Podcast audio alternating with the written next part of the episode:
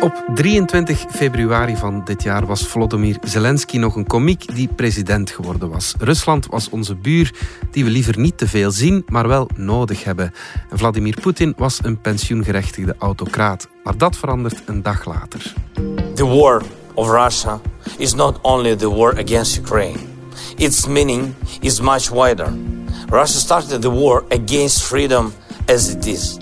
Zelensky werd op 24 februari oorlogspresident. Rusland werd de vijand, Poetin werd een agressor. De oorlog in Oekraïne is morgen een half jaar bezig. Wat hebben we uit dat half jaar geleerd en wanneer komt er een einde aan deze strijd? Het is dinsdag 23 augustus. Ik ben Alexander Lippenveld en dit is vandaag de dagelijkse podcast van de Standaard.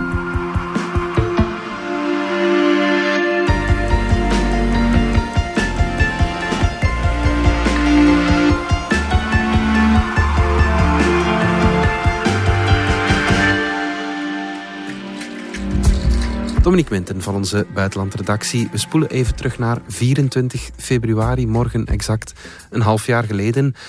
Wat lang uh, ondenkbaar leek, is toen gebeurd. De Russen vielen Oekraïne binnen. Was je toen verrast? Eigenlijk niet. Mm. Ik was zelfs niet meer verrast door de massale aanval op Kiev. Mm, ja. Uh, want in zijn toespraak de dag voordien, maandag, had Poetin eigenlijk min of meer aangekondigd dat hij ook Kiev wilde innemen. Ja. Dus uh, hij zei duidelijk van... Uh, Oekraïne heeft geen recht op bestaan. Het regime van Zelensky moet eigenlijk verdwijnen. Ja, dat kon je daaruit afleiden. Ja. En we hebben toen ook geschreven op onze voorpagina dat Poetin aast op meer Ja. dan de Donbass. Want Ja. dat was het... het, het Dat was wat we toen dachten. Hè? Ja. Hij gaat die Donbass, die twee provincies... eh, Innemen. innemen. Ja, ja, dat was inderdaad het, het, het voorspelde scenario. Daar hielden wij eigenlijk al een paar weken, zelfs maanden rekening mee. Mhm. Maar ook eh, ja, dat bredere scenario van dat hij Oekraïne langs alle kanten, langs drie kanten, langs drie fronten wilde aanvallen. Dus vanuit het oosten Mhm. Donbass, van- vanuit het noorden richting Kiev, maar ook vanuit het zuiden, vanuit de Krim Ja. oprukken. Daar werd eigenlijk ook al rekening mee gehouden door NAVO-functionarissen die wij spraken. Mhm. Die hebben ons dat duidelijk gezegd van ja, hou daar rekening mee met dat scenario. Ja. Die troepenopbouw waarmee hij bezig was, Ja. ja, die liet dat wel duidelijk uitschijnen dat, dat, dat we moesten rekening houden met dat scenario. Ja, ja, ja. Maar begin, een aantal weken of maanden daarvoor, zei men toch vooral, ja, het Russisch leger is niet meer van die sterkte om een land als Oekraïne, toch een groot land, volledig te gaan bezetten. Hè? Ja, dat werd er dan wel bijgezegd. Van, Als ze dat doen, dan gaan ze zich waarschijnlijk mispakken. Ja, ja, ja. Want inderdaad, Oekraïne is een gigantisch land, hè, groter dan Frankrijk.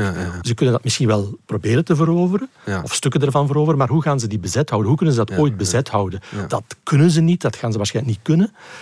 En dat blijkt nu ook. Hè? Ja, dus dat, absoluut, ze, ze, slagen daar niet in. Ja, ja, Wat is voor jou het belangrijkste dat we in die zes maanden oorlog al geleerd hebben, zeg maar? Ja, dat Oekraïners toch een taai volkje zijn. Ja, ja, Slava Oekraïne! Slava Oekraïne! Slava Oekraïne! Dat ze zich zouden verzetten, dat stond eigenlijk ook wel een beetje in de sterren geschreven. Mhm. Ze waren eigenlijk ook wel redelijk goed op de hoogte van de plannen van Rusland. Mhm.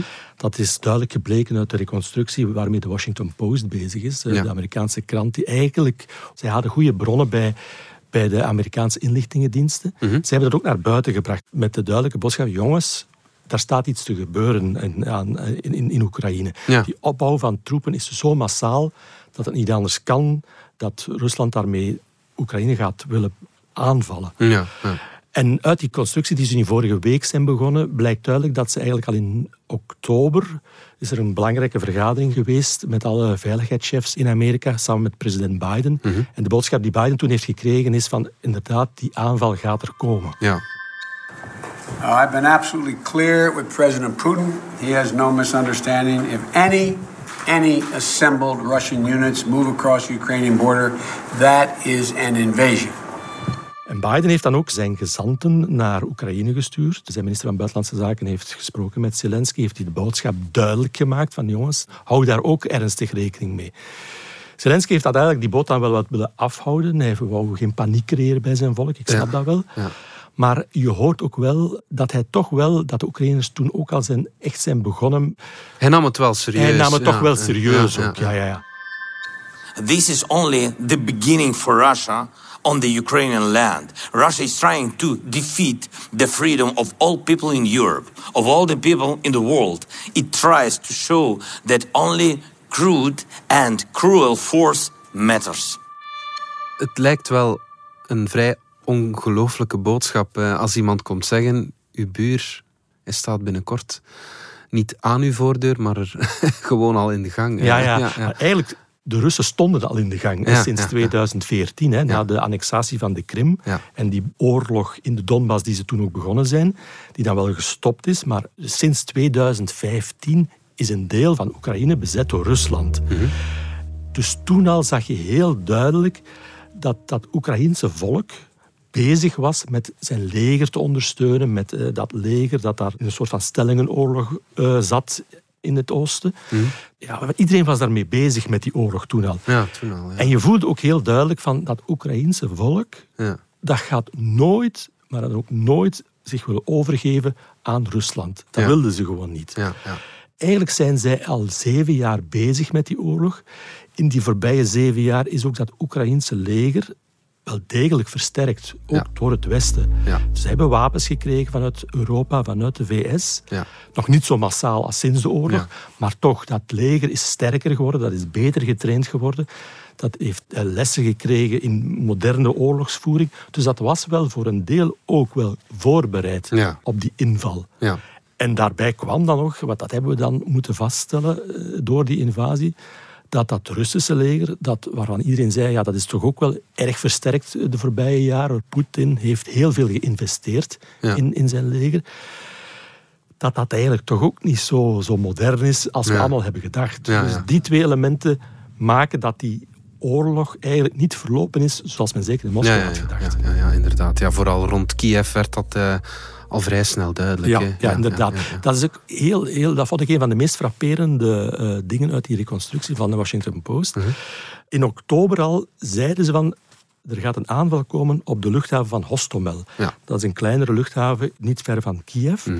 De Russen gaan proberen die in te nemen en die dan te gebruiken als uitvalsbasis voor hun troepen die dan moeten oprukken richting Kiev. Ja. Dat is ook letterlijk die eerste dag zo gebeurd. Ja. Dus daar is een landing gebeurd van Russische Special Forces. Ze hebben geprobeerd die luchthaven in te nemen. Maar die zijn daar op heel veel verzet gestoten.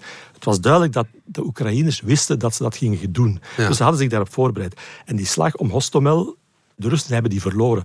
Waardoor heel dat eh, idee om... eh Ja, de strategie viel gewoon in duigen. viel in duigen. Die blitzkrieg die ze wilden doen richting Kiev, die viel in duigen. Ja. Is de oorlog tot nu dan vooral een, of alleen maar een blamage voor Rusland? Of hebben ze toch ook succes? Ja, dat vind ik eigenlijk net nog iets te gemakkelijk. Eh, dus je mag niet vergeten, dus in Kiev, de slag om Kiev hebben ze verloren, Ja. duidelijk. Ja. Maar in die eerste weken, maanden, hebben ze eigenlijk wel veel terrein gewonnen in het zuiden van, van Oekraïne. Ze hebben Oekraïne min of meer kunnen afsluiten van, van de Zwarte Zee. Ja. Dat mag je toch niet onderschatten, het belang daarvan. Eh, Oekraïne heeft een zware strategische fout gemaakt. Dat heeft Zelensky eigenlijk ook min of meer toegegeven. Rond Gerson, een grote stad in het zuiden. Die is redelijk snel, de eerste dagen al, in handen gevallen van, van Rusland. Ja. En van daaruit hebben ze dan eigenlijk dat zuiden kunnen veroveren. Ja. En hebben ze eigenlijk een soort van landcorridor kunnen creëren vanaf de Krim richting het Russische vasteland. Ja. Dat is die slag om Mariupol geweest. Ja. Die heeft heel lang geduurd. Ja. Ja. Maar uiteindelijk hebben ze dat ook wel gehaald. En op dit moment bezetten ze 20% van het Oekraïnse grondgebied. Dat is toch wel veel. Dat is zeker niet weinig. Zo'n En tegelijkertijd dan ook eh, in mei, juni hebben ze dan ook de provincie Luhansk helemaal kunnen veroveren. Mhm. Dus dat is ook een succes geweest. Ja. Dat heeft hen wel heel veel moeite gekost, maar fijn, ze zijn daarin geslaagd. Mhm. En sindsdien stokt het wel. Is de oorlog een beetje stilgevallen, zeker in de Donbass. Ja, ja, ja, dat is ook het gevoel dat ik heb momenteel. eh, we schrijven nog dagelijks in onze krant over die oorlog, maar het lijkt stil te staan. Ja. Is dat effectief zo? Of, of, of is het maar... Ja, op het terrein eigenlijk mag je dat wel zeggen. De oorlog op dit moment is een uitputtingsoorlog. Ja. Dus de fronten zijn min of, liggen min of meer vast. Er wordt nauwelijks nog terreinwinst geboekt, nog door de Russen, maar ook niet door de Oekraïners. De Oe- Oekraïners proberen wel een soort van tegenoffensief te lanceren rond Gerson, die stad die ze toch terug in handen willen krijgen. Ja. Ze, ze boeken daar wel kleine overwinningen. Ja. Maar echte doorbraken gebeuren daar ook niet. Ja. Maar dat wil niet zeggen dat die padstelling gaat blijven voortduren. Zijn dat niet de gevaarlijkste situaties? Padstellingen? Ja, dus je kan dan denken van hoe geraken we hier ooit nog uit? Ja. Eh, De enige manier om daaruit te geraken is dat een van de beide partijen zo uitgeput raakt dat ze zich toch gaan overgeven. Ja. Maar dat willen ze ook niet doen. Wat is nu het sterkste punt van, van, van Rusland Mhm. in die uitputtingsoorlog? Ze zijn nog altijd in de overmacht. Het is een heel groot land met enorme resources. Hun leger is zwaar beschadigd, maar ze blijven in staat om toch ook dat land dat ze eigenlijk hebben veroverd, die 20% om die in handen te blijven houden. Dus Oekraïne slaagt er ook niet in om daar echt doorbraken te forceren. En dat kan Rusland nog wel lang volhouden. Ja, ja. Want wat ook meespeelt is, Oekraïne is, blijft heel afhankelijk van buitenlandse hulp, van de wapens die ze krijgen van het Westen. De vraag is, blijft het Westen bereid om die wapens te leveren? Want dat doet Poetin ook wel slim. Hij probeert het Westen ook pijn te doen met hè, die gasprijzen die enorm gestegen zijn. Als dat te lang blijft duren, die situatie, dan gaat er misschien ook in het Westen de neiging ontstaan van jongens, is het nu niet genoeg geweest met die oorlog? Moeten we niet proberen de Oekraïners onder druk te zetten om een soort van ja, vredesakkoord Ja, te sluiten? ja, Wat de Oekraïners absoluut niet willen. Ja, ja. Als dat niet gebeurt, als het Westen steun blijft geven, als we die winter overleven, Mhm. dan wordt eigenlijk Poetin zijn machtigste wapen richting ons ontnomen. Ja. Dus dan, dat gaswapen gaat steeds minder wegen, denk ik, Ja, op de duur. Hè, omdat we toch Maar er staan wel nog een eh, heel moeilijke zes, zeven maanden, tegelijk. voor ons. Hè? Voor ons, ja, daar moeten we ons van bewust zijn. Er staan moeilijke maanden te wachten, zeker, absoluut.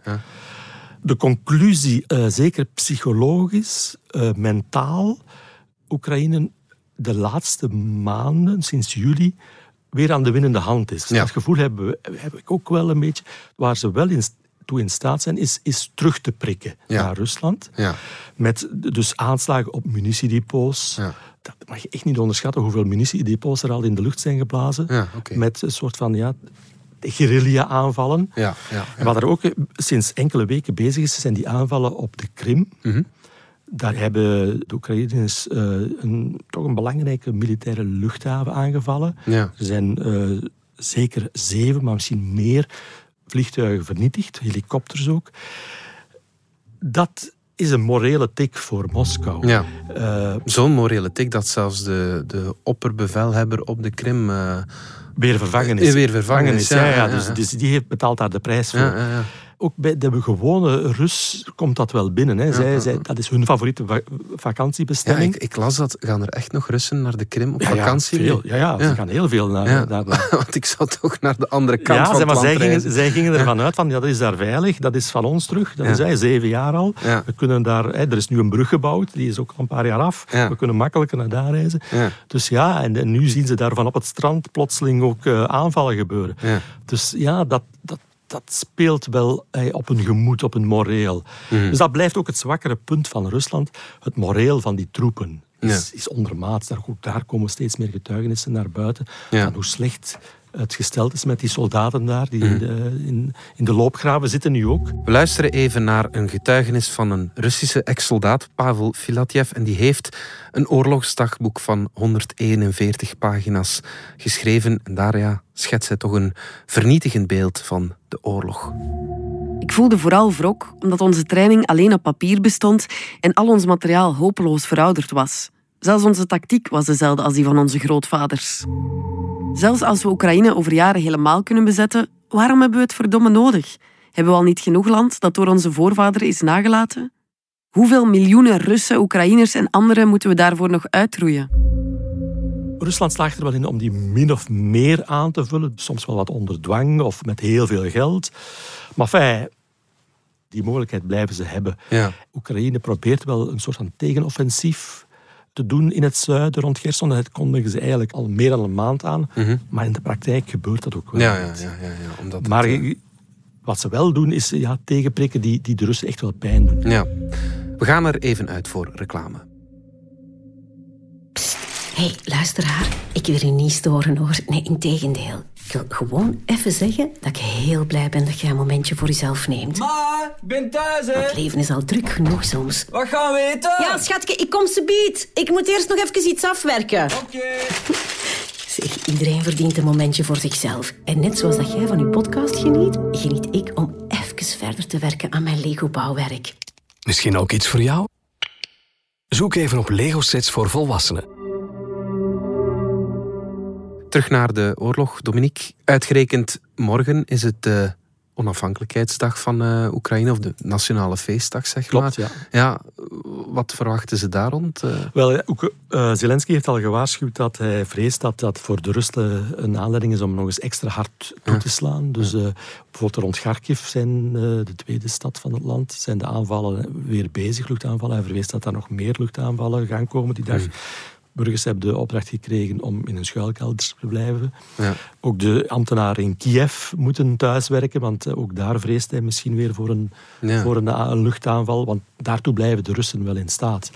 Maar anderzijds, ja, dat, die feestdag, ze gaan die wel vieren. Hè. Dus ze hebben de vernietigde tanks van, van Rusland hebben ze opzichtig in de straten van Kiev gezet om te, tonen van kijk eens, dat is al vernield. ja. Dat nationalisme van Oekraïne dat is alleen maar groter geworden hè, in die voorbije zes maanden. Dus voor hen is dat nog eens een, aanleiding om te, om te laten zien van kijk, wij zijn een trots nationaal volk. Wij laten ons niet knechten, zeker niet meer door Rusland. Dus op dat vlak is dat, ja, moet dat een soort van boost geven in hun zelfvertrouwen. ja. Denk je dat ze ooit aan tafel gaan zitten? Voorlopig niet, nee. Mhm. nee. Want Eh, Erdogan doet daar wel pogingen. Hij doet daar pogingen toe. Eind vorige week heeft de Russische diplomaat die verbonden is eh, aan de VN nog eens gezegd van hij sluit uit dat er een, een, een, een, over, eh, een ontmoeting komt tussen Zelensky en Poetin. Ja. Nee, het zal niet gebeuren, zegt hij. Dus ik- Want er waren berichten vorige week dat Poetin toch naar de G20 eh, eind dit jaar zou komen en Zelensky daar centrale gast zou zijn. Ja, ja, ja, dat sluit ik niet uit, dat Mhm. hij inderdaad eh, naar die G20 komt. Eh, Dus eh, hij wil ook niet geïsoleerd geraken. Uh-huh. En pas op, in die G20 zitten nog landen waarmee hij goede relaties heeft. Ja, hè. China, Ch- India. China, India zitten daar ook. Dus op dat vlak sluit ik niet uit dat hij naartoe gaat en dat hij ook spreekt met de Chinese president of met de Modi van India. ja, Maar met Zelensky, nee, nee dat is, dat, ik zie het Ja. niet gebeuren, echt niet. ja. En met het Westen? Zelfs dat zie ik op dit moment niet gebeuren. Ook met Biden voorlopig nee. nee. Mhm. Nee, ja. Er zullen nog wel contacten zijn, maar op een lager niveau. Ja. Lavrov, Blinken, dat is mogelijk misschien, maar... De nee. twee in het buitenland eh, ja, in zijn dat. ja, de twee buitenlandministers misschien wel, maar zelfs als ze elkaar spreken, nee, eh, ik zie geen oplossing ook niet. Want eh, daarin zijn de Oekraïners ook formeel. Zelensky blijft dat herhalen. Wij gaan niet onderhandelen met Rusland zolang ze ons grondgebied bezetten. Ja. Ze willen de troepen weg. Ja, ja. Maar dat zie ik dan ook weer niet op korte termijn gebeuren. De crisis reikt natuurlijk veel verder dan eh, enkel het, ja, het regionale conflict. Je had het al over het gas. Er is misschien nog een veel groter probleem, die voedselcrisis, eh, doordat Oekraïns graan, dat maar Ja. niet eh, geëxporteerd geraakt. Geraakt dat stilaan opgelost, dat probleem? Daar is lichte beterschap wel. Ja, hè. Dat akkoord dat er een onder... eh, Maar er is meer nodig dan lichte beterschap. Schap, ja, ja. En ja, het blijft, het blijft wankel. Het blijft, eh, het blijft, die graanschepen blijven wel vertrekken, maar het is natuurlijk veel minder dan vroeger. En je weet ook niet wat er de komende weken weer kan gebeuren. Die- De sfeer kan weer helemaal omslaan. Er, er gebeuren zoveel onverwachte dingen ook. Hè. Dus Ja. die aanslag die er nu zaterdagnacht is geweest op eh, een belangrijk filosoof, Russisch filosoof, Ja. eh, Dugin. Ja. Zijn dochter is daarbij om het leven gekomen. Ook dat doet weer vragen reizen. Wat, wat speelt er eigenlijk allemaal waarvan wij eigenlijk niet op de hoogte zijn? Wat is daar in het Kremlin aan de hand? Ja, Ja, en dan heb je die situatie rond de kerncentrale in Zaporizhia. ja. Eh, dat blijft toch ook zorgen baren. Dat is misschien een van de heetste hangijzers. Het een, heet, blijft een heet hangijzer. Ik denk nu echt niet dat, dat ze die gaan eh, tot ontploffing brengen. Mhm. Maar waar de Oekraïners rekening mee houden, eh, en ook internationale experts, is dat die kerncentrale helemaal wordt afgesloten. Ja, Waardoor Oekraïne erg veel, eh, nog meer problemen gaat krijgen met zijn energiebevoorrading. ja, ja. Met zijn elektriciteitsbevoorrading. Want dat mag je natuurlijk ook niet onderschatten. Oekraïne houdt goed stand in deze oorlog. Mhm. Maar de schade aan de economie en aan, het, aan de infrastructuur van dat land is gigantisch. Hè? Dus Ja, daar gaan bedragen rond van meer dan 100 miljard euro schade. Ja. Ja, hoe kan je dat op lange termijn overleven? Dus op dat vlak blijft het ook blijft Rusland nog altijd een klein beetje een voordeel hebben. Ja, ja. Oekraïne slaagt er niet in om de Russische infrastructuur te beschadigen. Hmm. Ze, hè, dus ze, ze maken wel... eh, Munitiedepots en ah, zo munitie- wel, maar ja, on- onklaar dat wel. Maar, dus ja, dat speelt natuurlijk ook weer mee. Hoe gaat dat evolueren? Dus dat zijn de, de onzekerheden voor de komende maanden. En de rol van het Westen, hè. gaat die ooit vergroten? Of, eh, of Wel, niet? je- de- binnen Oekraïne wordt er wel ondertussen geklaagd dat, dat ze zeggen van ja, de laatste eh, maanden eh, horen we weinig nog over nieuwe wapenleveringen. Ja. Die, zijn inderdaad, die lijken inderdaad een beetje op een lager pitje weer te staan. Of er effectief geen wapens meer richting Oekraïne gaan, ik, dat geloof ik niet. Dus dat zal wel gebeuren, misschien iets minder, maar die blijven wel, wel doorgaan. Er is wel wat oneenigheid binnen Europa over hoe die steun aan, aan Oekraïne, hoe, fel, hoe Ja. ver we daarin moeten gaan. Maar eh, ja, de grote landen blijven toch wel, eh, wel fors in een, In de retoriek vooral, maar niet in de... ja, maar zelfs dat, eh, voorlopig blijft die steun wel overeind. Ja, ja, ja, inderdaad. Ja. Tot slot, eh, Dominique, denk je dat we over een half jaar opnieuw een podcast maken? één jaar oorlog in Oekraïne? Of zal het dan afgelopen zijn? Het, blijft heel moeilijk eh, in, Ja. in de toekomst te voorspellen, zeker in dit soort eh, conflicten.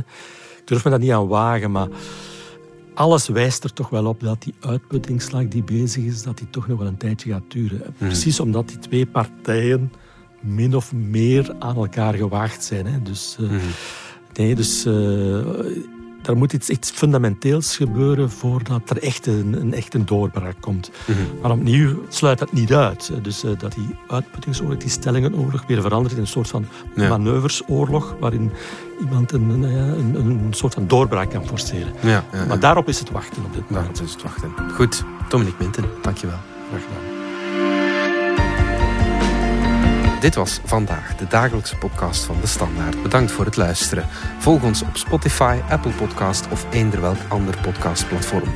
In onze gratis RDS podcast kan je niet alleen ons werk beluisteren, maar ook de beste podcasttips voor op vakantie of ergens onderweg. Met zorg geselecteerd door onze redacteur Max de Moor. Alle credits van de podcast die je net hoorde vind je op standaard.be-podcast. Reageren kan via podcast.standaard.be. Morgen zijn we opnieuw.